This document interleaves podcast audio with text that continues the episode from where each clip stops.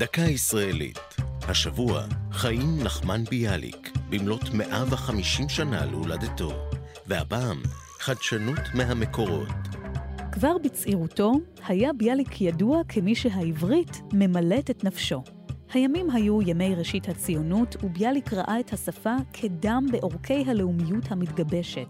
בגיל 19, בעת לימודיו בישיבה, כתב את שירו הראשון "אל הציפור", והחל לפעול למען החייאת העברית.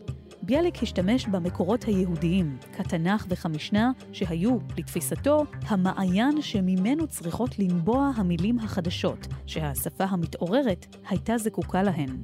עמדה זו שונה הייתה מתפיסתו של מחיי הדיבור העברי בין זמנו של ביאליק, אליעזר בן יהודה, שהיה גמיש יותר במקורותיו ושאב השראה, למשל, גם מהלשון האחות, הערבית. ביאליק ותומכיו אמרו על בן יהודה שמיהר להכניס חידושים זרים ללא התייחסות למקורות. צריך ללוש את השורש מפנימו, אמר ביאליק, והציע לדוגמה את המילה שוחך במקום מטריה של בן יהודה.